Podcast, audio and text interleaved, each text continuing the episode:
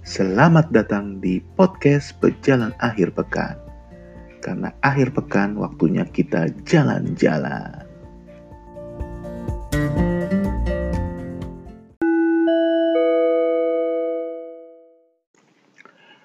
Well, hello semua.